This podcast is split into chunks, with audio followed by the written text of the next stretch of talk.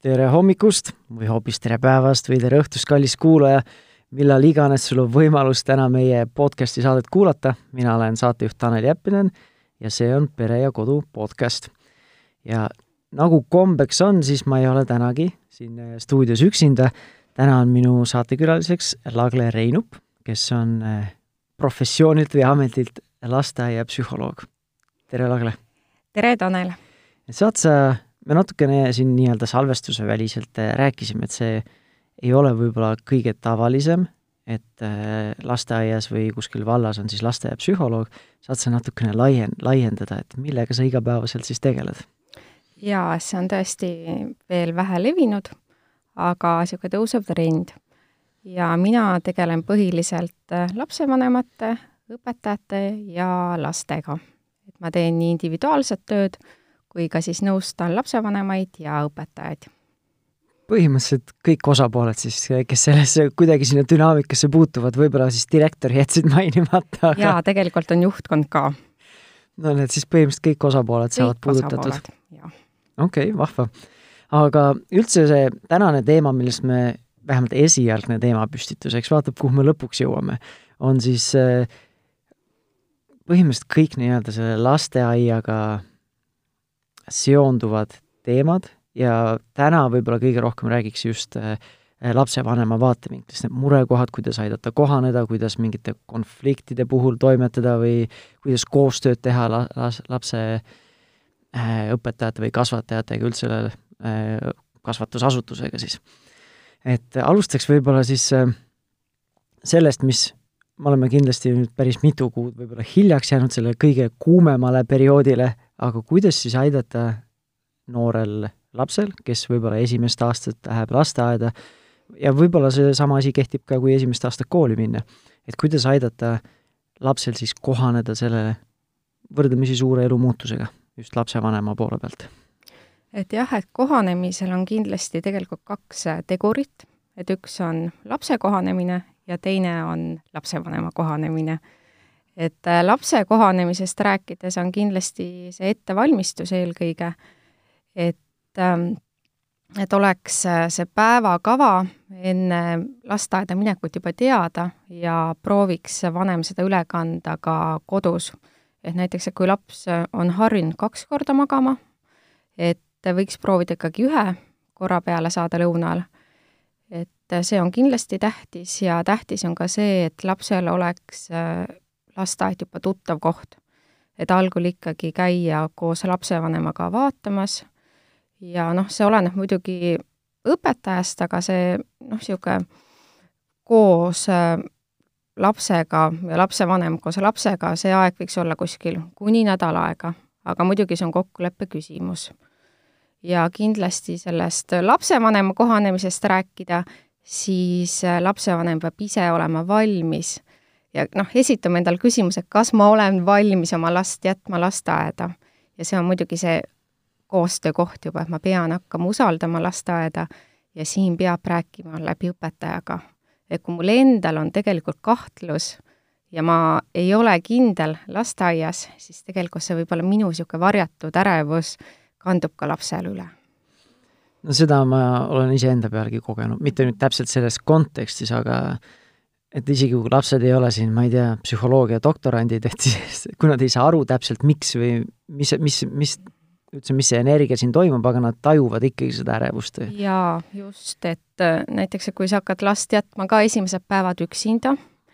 siis äh, tegelikult sa pead hoidma seda positiivset äh, hoiakut, et see on nii tore koht, kuhu minna, et ma olen näinud seda ja mis on hästi inimlik, et kuidagi lapsevanem ise on niisugune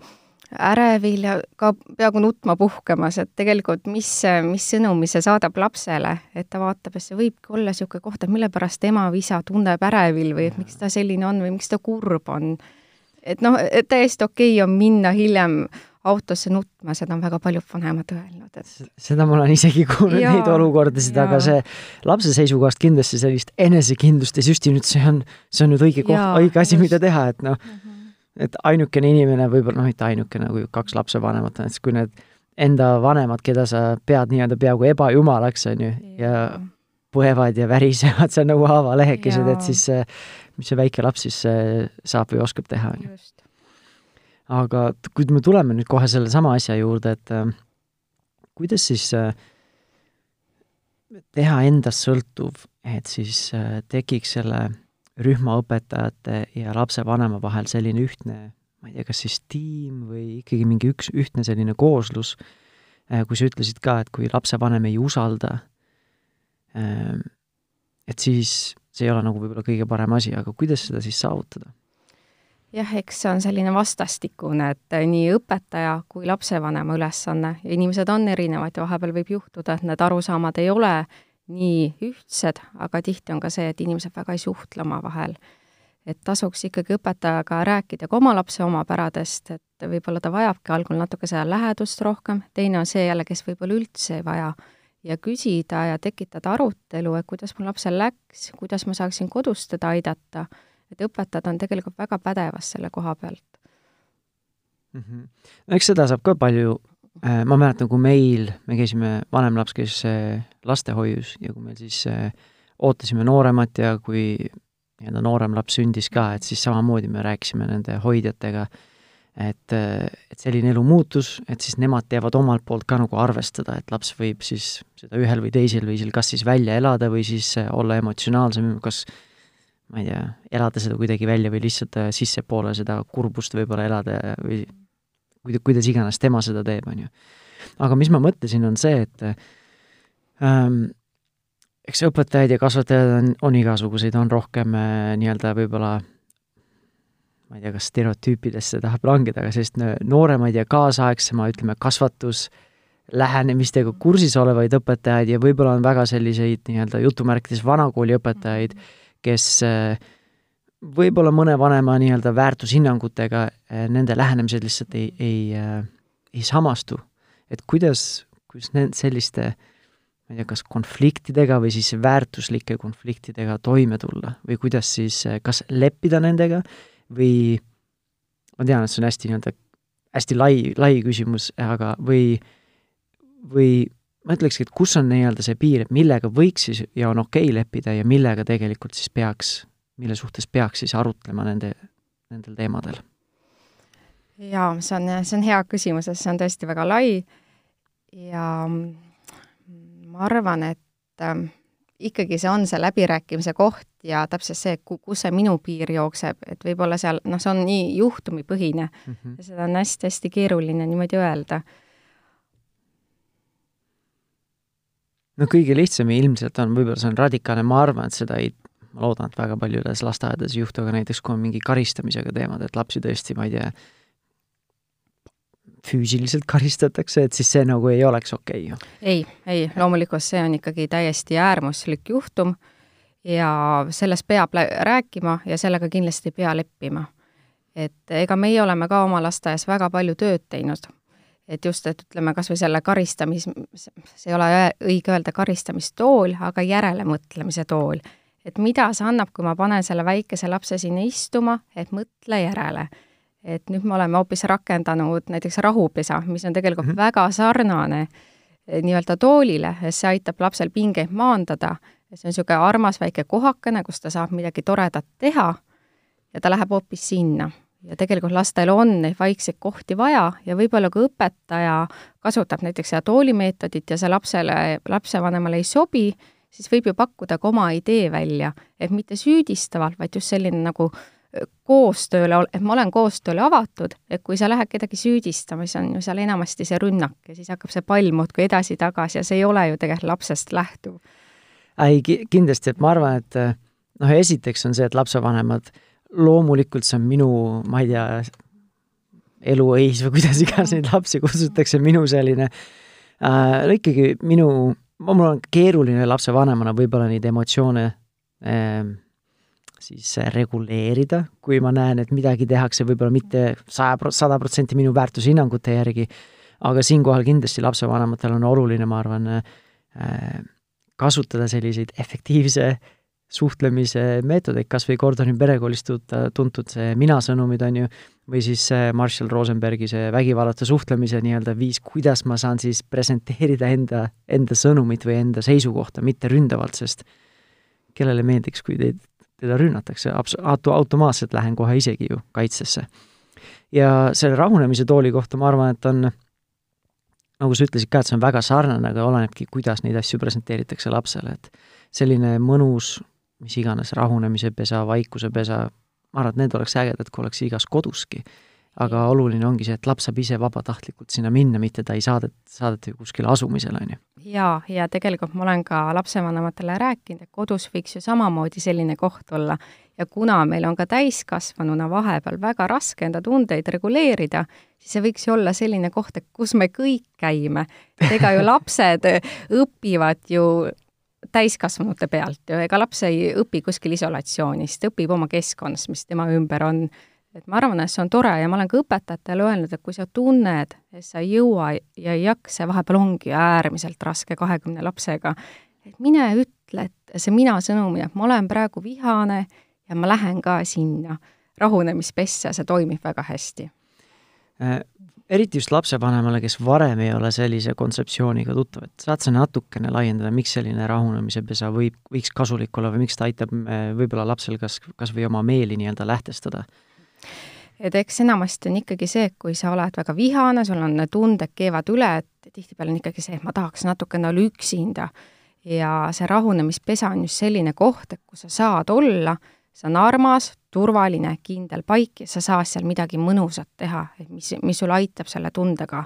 hakkama saada, et me ei tohi tegelikult halbu tundeid või mis halbu, tegelikult kõik tunded on vajalikud,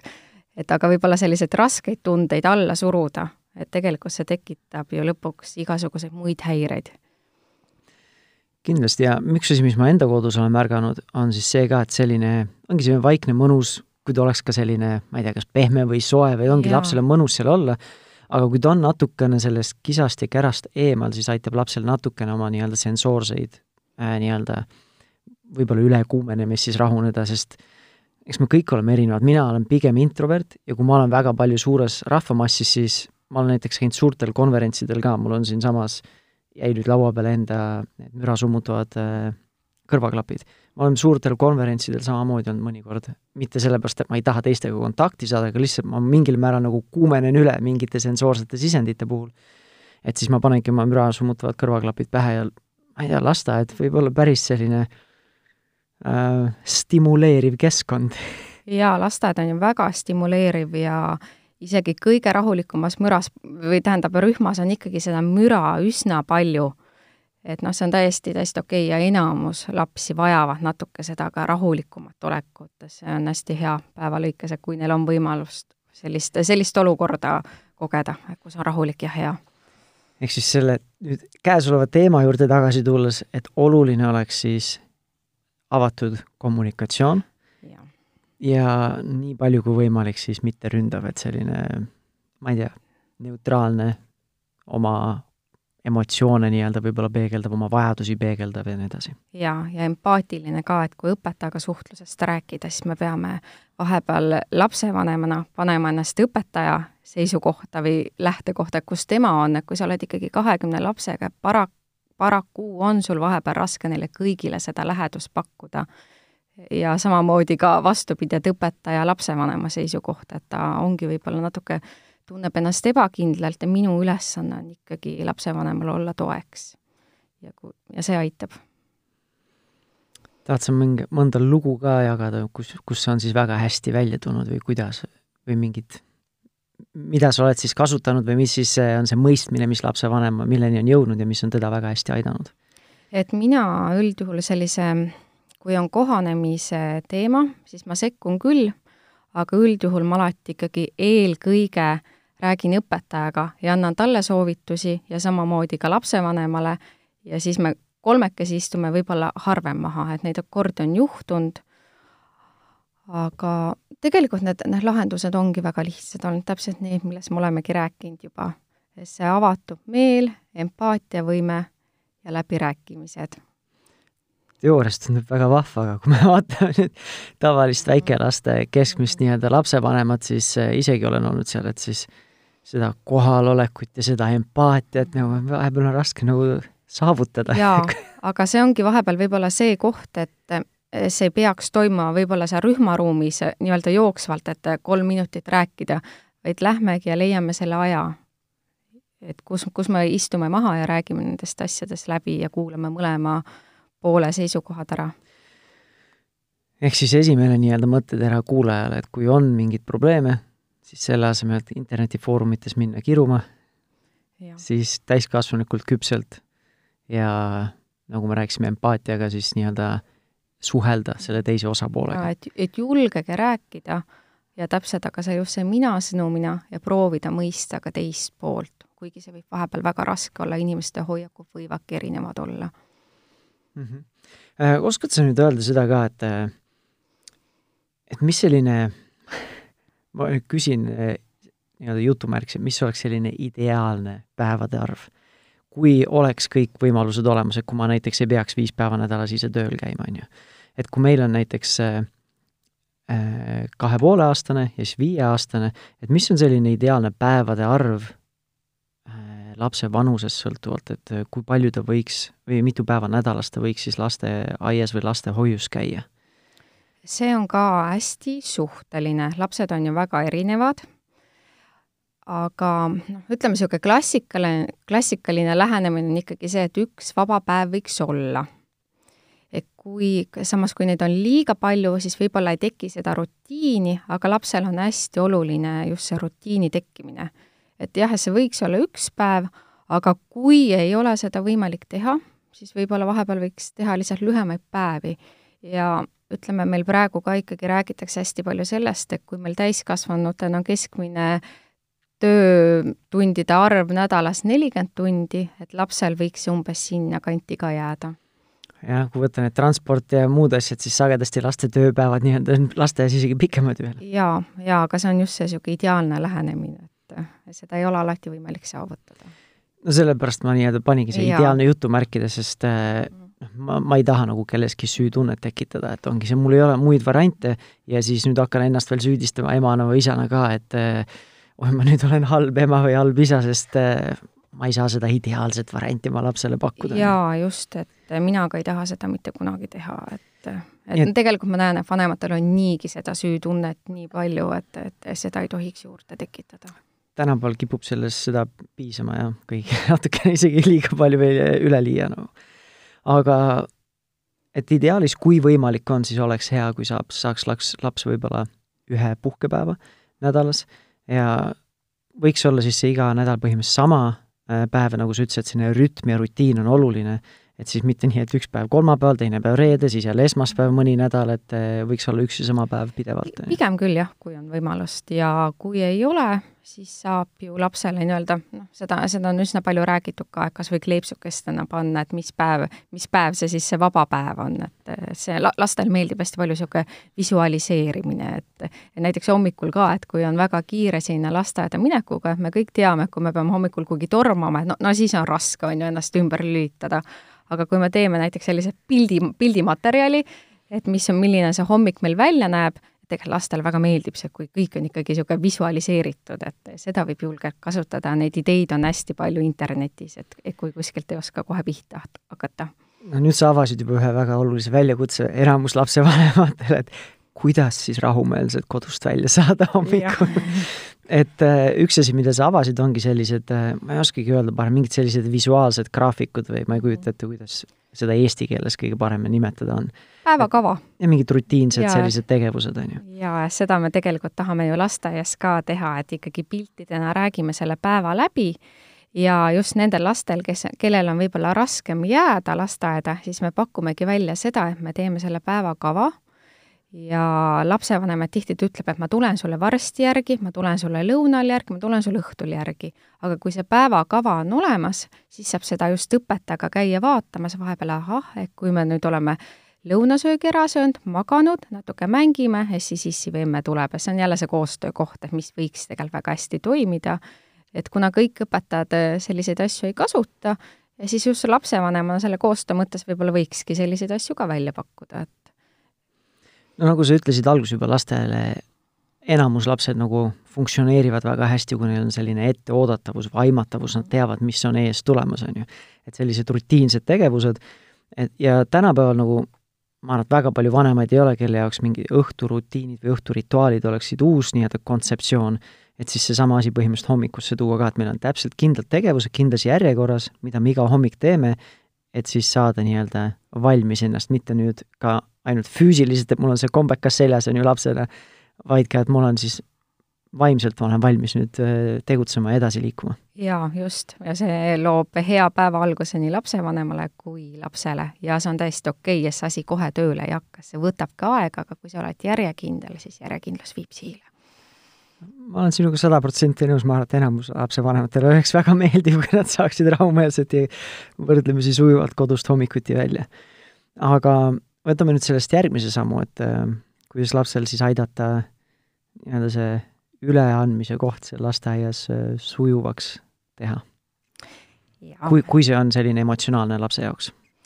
jaa, see on selline teine, teine koht, et millega peab kindlasti õpetajaga algul läbi rääkima, et kuidas see asi meil ikkagi välja näeb. et ähm, kui laps on juba lasteaeda toodud, siis ei võiks teda ikkagi tagasi viia et me peame mõtlema, mis sõnumi me lapsele saadame sellega, et kui me viime ta tagasi, et ma saan aru, et see on hästi keeruline jätta seda nutvat last lasteaeda, aga see on täpselt see koht, et kus õpetajale öelda, et ole palun tema kõrval, isegi siis, kui ta ei taha lähedust, et see oleks lihtsalt natukene tema jaoks olemas. ja ma arvan, et enamus õpetajaid suudavad seda pakkuda. Ja võib-olla, kui see laps on ikkagi meie oleme oma õpetajatega kokku leppinud selle, et kui laps ei rahune kahekümne minuti jooksul, siis õpetaja helistab ja too, ja siis lapsevanem tuleb lapsele järgi. see, see on ikkagi see, et ma korra käin ära, ma tulen tagasi. aga kui ma jah, ma olen näinud seda, kuidas lasteaia väravast tagasi minnakse ja see, see harjutamine läheb väga keeruliseks. mul on isegi selles positsioonis olnud, kui see nut-, eriti just ja see ei olnudki tegelikult meie puhul äh, siis, kui äh, me harjutasime lapse, lastehoiuga, vaid just siis, kui väike venna sündis mm. -hmm. et siis tekkis see vastumeelsus sinna üksinda jääda. ja, ja see oligi, et esmaspäeval, meil on esmaspäeval äh, ettevõttesisesed üleettevõttelised koosolekud, minul on kella pealt minek, mina muutun järjest ärevamaks, tema minu jala küljes paaniliselt nutab, on ju. et siis äh, neid emotsioone jagub, ma arvan, kõikidele osapooltele, et eh, nii vanemale, lapsele kui ka, kui ka õpetajale, et jaa, ja, ja tihtipeale ongi just see, et isegi kui laps on kohanenud ja perre sünnib väike beebi, siis tekib ka see küsimus, et mille pärast siis tema võib koju jääda ja miks mina pean minema, et ja siis lapsel tekibki see konflikt, et ma tahaks ka ju veel väike või ma olen suur, et ma ei saa aru, et aga seal on ka see, et ikkagi, ikkagi jääda endale kindlaks, kuigi see võib olla väga raske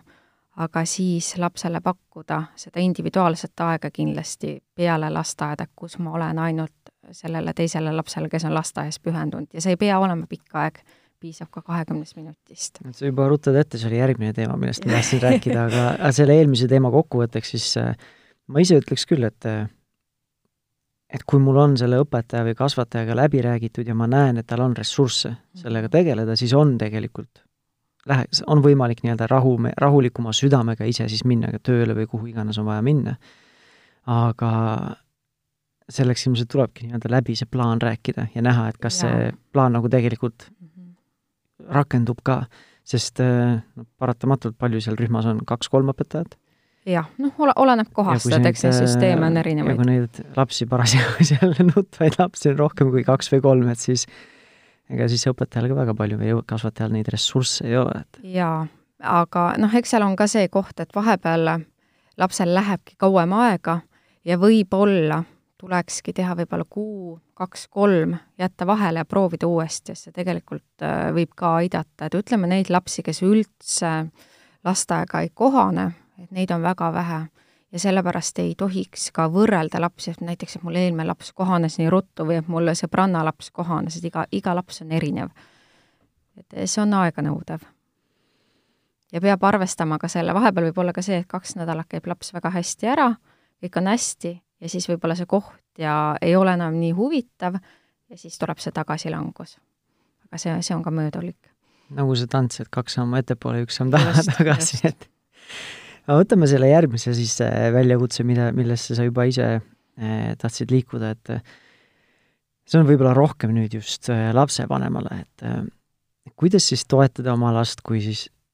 ma arvan, et enamus lapsevanemad, kelle lapsed on käinud lasteaias, on selles olukorras olnud, et äh, lähed lapsele vastu ja sa nagu näed, et ta on nagu üles keeratud nagu hullult krutskeid täis, ta jookseb ringi seal riideruumis, ta ei, ei taha riidesse panna. Endal võib-olla juba tiksub jälle muud asjad, ma ei taha liiklusesse jääda või mul on vaja poes, poes jõuda ennem ära käia või mul on vaja õhtusöök valmis hakata, valmis panna ja mis iganes mul endal seal kuklas vasardab, on ju. et kuidas siis selle väljakutsega toime tulla äh,, nii-öelda siis ma ei tea, kas rahumeelselt, aga üldse nagu efektiivselt, et see asi toimiks kõikidele osapooltele? enamasti on ikkagi see, et kuna lapsevanem on ju lapse jaoks kõige turvalisem isik, siis tihtipeale ongi see, et laps on terve päev, on tal võib-olla lasteaias väga hästi läinud, kõik, kõik on sujunud ja siis, kui see lapsevanem tuleb, siis tal ikkagi see kuidagi see pingemaandus on nagu nii suur, siis ta võibki väga-väga pööraselt käituda aga ma arvan, et see on täpselt see koht, kus ise just peegeldada lapsele tema tunnet, ega, ka see on tavapärane, laps tuleb lööma näiteks lapsevanemat. aga siis ongi see, et ma saan aru, et sa oled kuri, aga tule kallistame, et et ise noh, peab nagu võtma hästi rahulikult seda, et tegelikult mida halvemini käitub laps, seda rohkem ta seda mõistvat suhtumist vajab, et seda halvem talle, jah. ja mida nii-öelda halvemini ta käitub, siis see ei tähenda, et seda halvem laps ta on, vaid seda võib-olla keerulisem on tal enda ja. kogemusega toime tulla, nende emotsioonidega, et tal on nagu hea meel võib-olla mind näha, on ju, isa, aga samas seal tuleb ka kõike muud, võib-olla see, et eh, see pettumus, et ma ikkagi jätsin ta hommikul sinna. Võib-olla siis mingid muud asjad, kõik, mis ta päeva jooksul on kogenud ja ta ei ole võib-olla saanud neid emotsioone välja elada, sest tal võib-olla ei ole turvaisikut seal, kelle, kellega ta julgeb Just. turvaliselt kõiki emotsioone välja lasta et võib-olla keegi astus talle näpu peale mänguväljakul, vaatas, kedagi ei ole lohutamas, kogus jälle emotsioone ja pingeid enda sisse. Siis äh, õhtusöögi või õhtuoote juures vaatas, pinginaabril on kaks korda suurem magustoiduportsjon, jälle kogus pettumust enda sisse ja nüüd see ema või isa tuleb järgi, siis näed, mis ma kõik päev otsa kogunud olen. ja, ja, ja noh, loomulikult ega meil ongi kiire elutempo, aga nat-, natukene võiks seda reguleerida nii palju, et näiteks kui laps tahab mängu lõpetada, siis ikkagi talle natukene aega anda, mitte see paki oma asjad kokku, et ega meil täiskasvanuna on ka vahepeal väga raske ühest tegevusest kohe teise hüpata, et natukene võiks seda aega varuda ja vahepeal tasuks ka mõelda, et võib-olla ütleme, sellised poeskäigud ka näiteks võiks varem ära teha, et mulle ka üks sõbranna just ütles, et tal laps hakkas üks päev nii nutma, poes ja ta ei saanud aru, et mis tal viga on, et ta ei ole mitte kunagi teinud ja noh, rääkisid omavahel ja siis ta ütles, et aga noh, ja kuidagi nad jõudsid selleni, et laps oli väsinud, et ta lõpuks ütles, et ma olin väsinud ja mulle ei meeldinud ja seal oli noh, halb olla. jah, no ma, ma arvan, et see ongi see, et lapsevanema seisukohalt, et esiteks tunnistada iseendale, et see ei ole midagi isiklikku. et see ei ole see, et, et igal pool mujal laps nüüd käitub hästi ja sinu juures käitub võimatult, järelikult sa oled siis ise midagi halvasti teinud või laps on vale, vale või halb või mis iganes. et see on lihtsalt, enamasti see ongi seesama, nagu sina ütlesid, et see turvalisuse tunne, et see on see koht, kus ma saan olla mina ise ja see on see koht, kus ma saan ennast tühjaks laadida ja võib-olla pärast hiljem kaisus on ju süles nii-öelda täis laadida jälle ja nii edasi. jaa, ja just, et ega seda nuttu ka ei tohiks karta, sest nutt on ju tegelikult pinget maandav, et, et see, see on täiesti okei okay., seda ei tohi kindlasti keelata. ja enamus naisterahvad, ma arvan, et on seda enda põhja, enda peale ka nagu kogenud, et ma ei tea, kas või teismelisena või vara, täiskasvanu, et on mingid suhteprobleemid, lähed sõbranna juurde, nutad pea täis, on parem olla, on ju. aga nüüd meestele seda öelda, siis kui meid on kasvatatud seda, et oi, et kui sa nutad, siis sa oled mingi tossike või mis iganes, et et siis võib-olla meestel on raskem nagu seda omaks võtta, et nutt on täiesti ter-, ongi võib-olla isegi tervendav selline psühholoogiline, füsioloogiline protsess. Ma usun, et see hakkab vaikselt muutuma. Sellest on palju, palju teadlikumaks saadud et ütleme, niisugust asja, et nüüd lasteaias, noh, varem oli ju see, et poisid ei nuta, et ja seda jääb peres vähemaks, et seda on, seda hoiakut, aga see hakkab ära minema. nõust-, nõustun, et ma ise tunnen ka, et see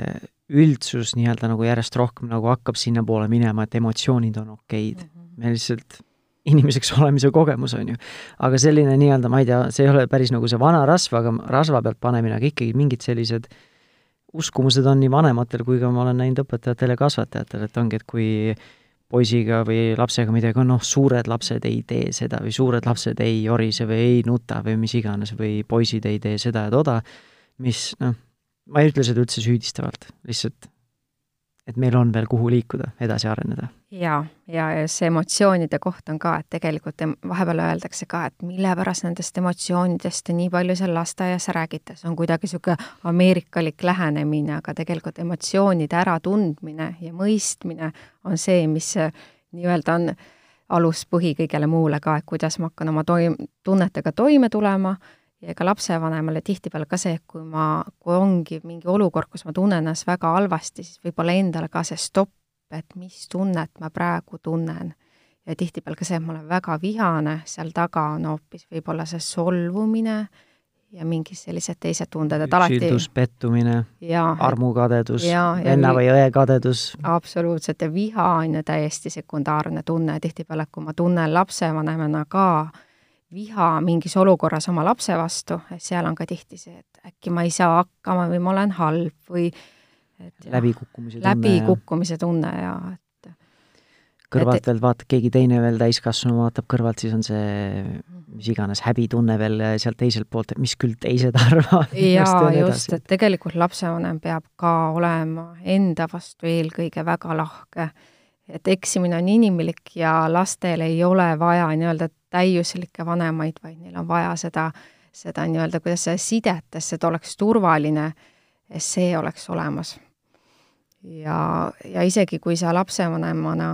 teed midagi niisugust, mis võib-olla sa karjud, vahepeal see võib olla ka tutistamine, midagi niisugust, et tegelikult sa tunned väga halvasti ennast, siis ka lapsele öelda, et tead, et, et nüüd läks halvasti ja ma palun sinu käest vabandust, läbi selle õpivad ka lapsed, et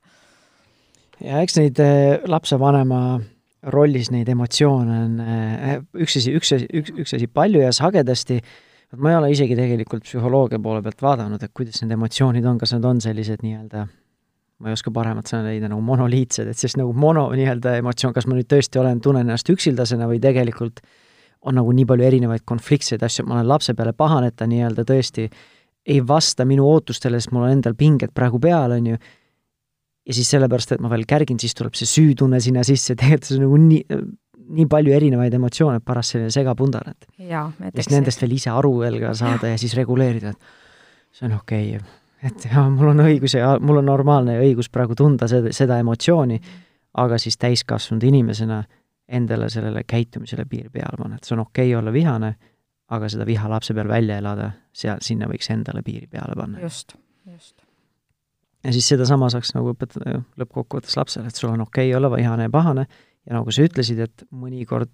võib juhtuda või see on normaalne nii-öelda nähtus, et su laps ei ole halb laps või kasvatamatu, kui ta seal riietusruumis näiteks kipub lööma või siis käsi tõstma ja siis ta ei oska muud moodi oma emotsioone välja elada. et siis samamoodi lapsele, et vihane olla on okei okay,, ma saan aru, et sa oled pahane või mis iganes, mis see põhjus seal on,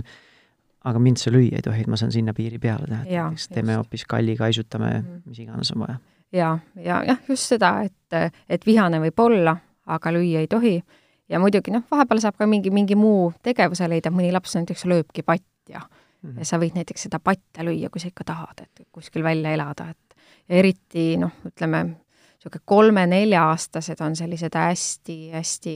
öeldakse, kõige agressiivsem iga ongi see kolme-neljane, et et neil ongi kohutavalt raske oma tunnetega toime tulla ja see ongi just sellises füüsilises agressiivsuses väljendub tihtipeale. See loomalik selline viis, kuidas välja elada neid siis? jah, jah ähm,. oskad sa veel natukene nõuandeid andes lapsevanemale, et üks asi, et kui laps tunneb viha, et kus see nagu piir läheb, et ma aitan tal nii-öelda seda viha kogeda ja võib-olla siis suunata seda energiat mujale, mm. versus see, et me nüüd oma mingi asendustegevusega tegelikult siis püüame nagu eirata seda või nagu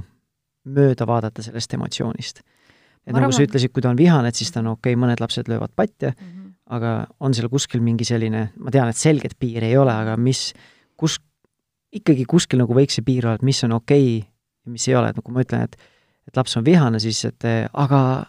me läheme pärast poodi jäätist ostma, see nagu ei, ei lase tal seda emotsiooni tunda, on ju, see nagu lükkab selle tahaplaanile just, on ju. jaa, et emotsioonid ju peab äh, läbi kogema ja need peab läbi arutama, aga algul, kui laps on seal tundeharjal ja ka täiskasvanuna, kui mul on mingi väga sügav ja väga tugev tunne, siis ma ei suuda selle üle arutleda, et algul me peame selle nii-öelda välja saama, mis iganes meetodiga, mis minu lapsele on sobilik, ja siis me räägime et mis juhtus ja kuidas võib-olla saaks teinekord teistmoodi teha mm. -hmm. no just üks asi, mida meie oleme vahepeal teinud, see ei ole sada protsenti, alati ei tööta, aga nii mõnigi kord, lihtsalt kui ma näen, et on nii üles keeratud ja üles stimuleeritud mõnikordki ja ongi nii-öelda neid krutskeid täis, et siis äh, üks asi, mida me oleme teinud, on nii-öelda mänguliseks selle keeranud ja see ongi see, et kuule, et meil on vaja see energia välja saada, siis näiteks hüppame nüüd, teeme lihtsalt kokkuharkhüppeid koos mm -hmm. ja mhm. teemegi seal kodus kokkuharkhüppeid, no lasteaias ma seda siiamaani pole veel teinud, aga ausalt öeldes mulle, mina sellepärast ei põeks, ma võin seda lasteaia riietusruumis ka neid lapsega kokkuharkhüppeid teha, et ähm, nii, et äh, siis mul on paar sellist äh, ma ei tea, kas võib-olla tõsisemat teemat, aga kuidas äh, võtame siis kahelt poolt, et kuidas käituda või kust otsast alustada selle olukorra või situatsiooni lahendamist, kui teine laps sealt lasteaiarühmast on minu lapse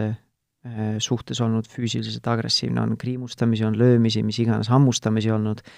et kuidas selliseid olukordasid lahendada, sest eh, nagu sa ütlesid ka, kolme-nelja-aastased, neil on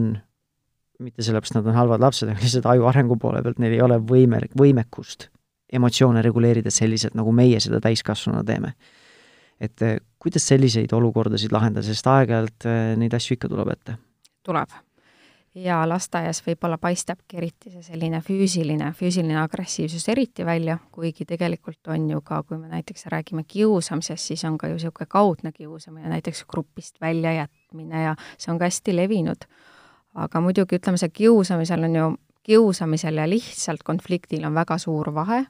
aga ütleme, kui niisugune konfliktne olukord on olnud ja see on üks kord juhtunud, kaks korda,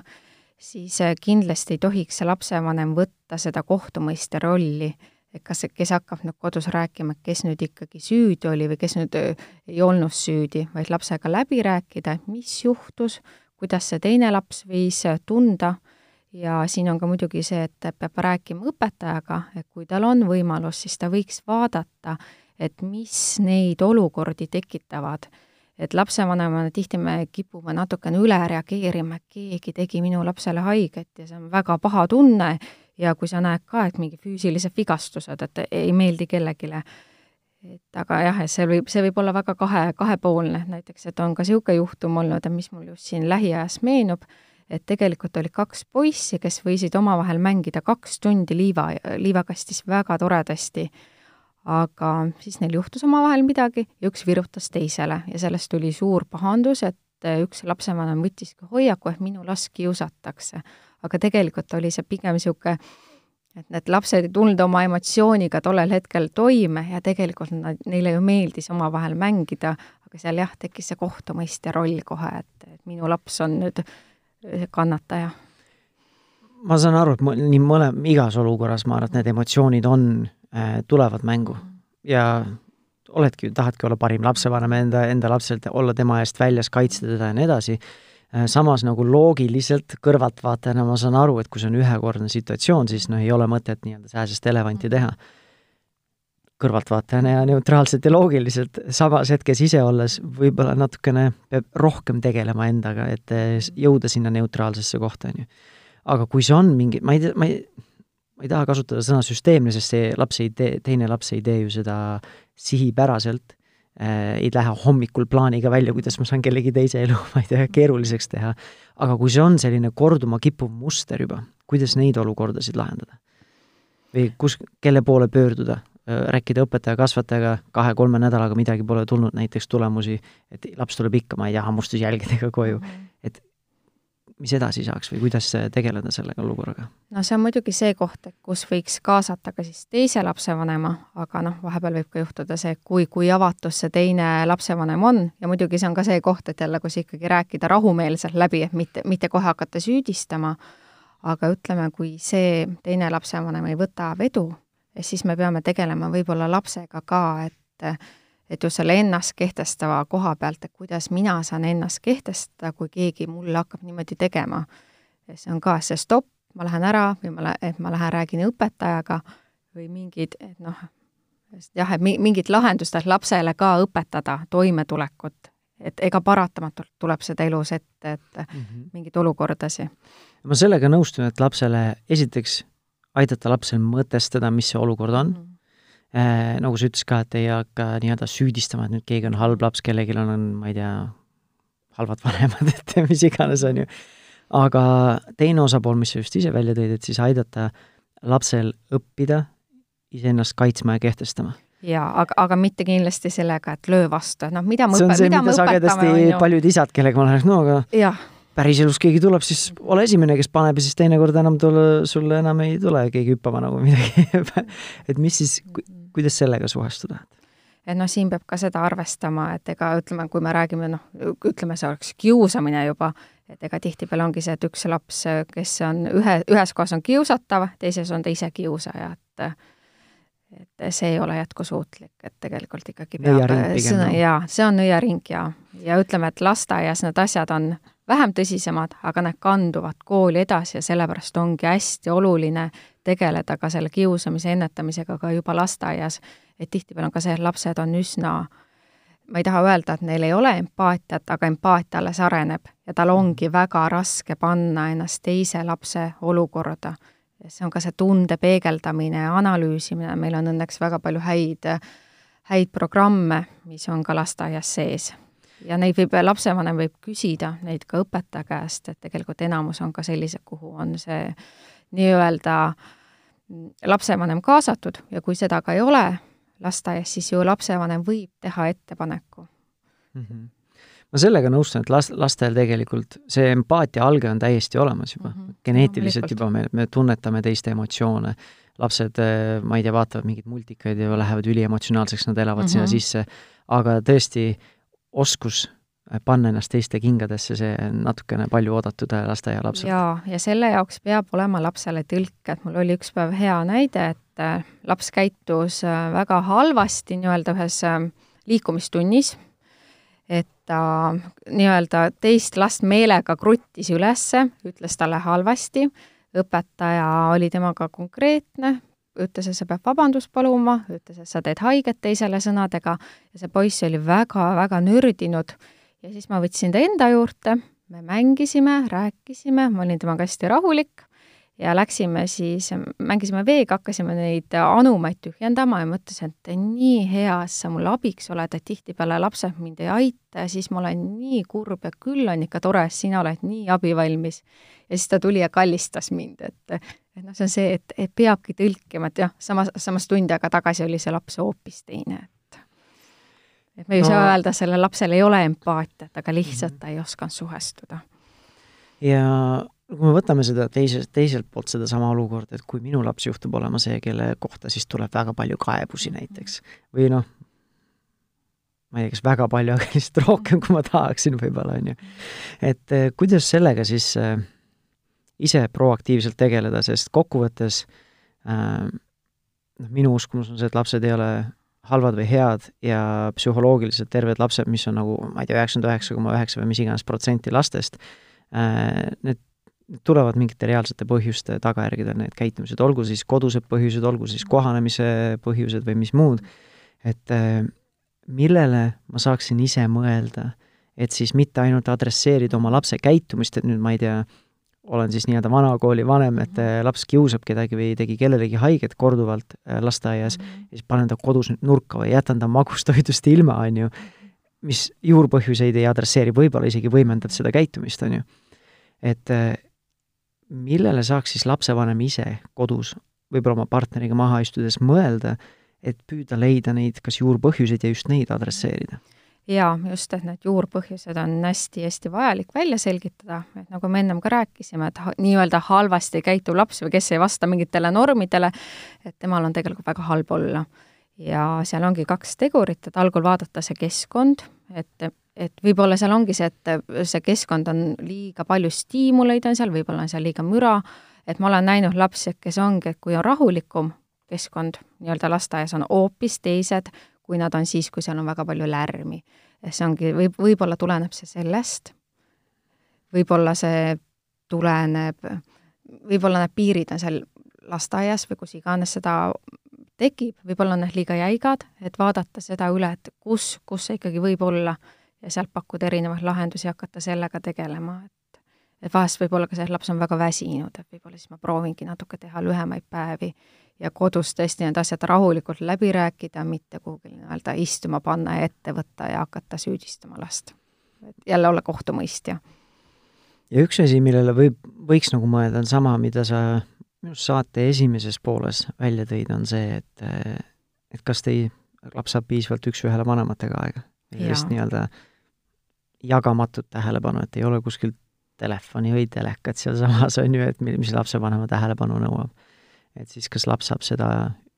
seda tähelepanu, mida me kõik tegelikult inimestena tahame, on ju. jaa, et noh, ma ütlen ka, et niisugune kakskümmend minutit võiks olla see aeg, kus meil on kõik asjad nii-öelda kinni ja võib-olla isegi laps võiks suunata seda mängu, et räägi, mis sa tahad teha. et, et tal oleks ka see kontroll mm. -hmm.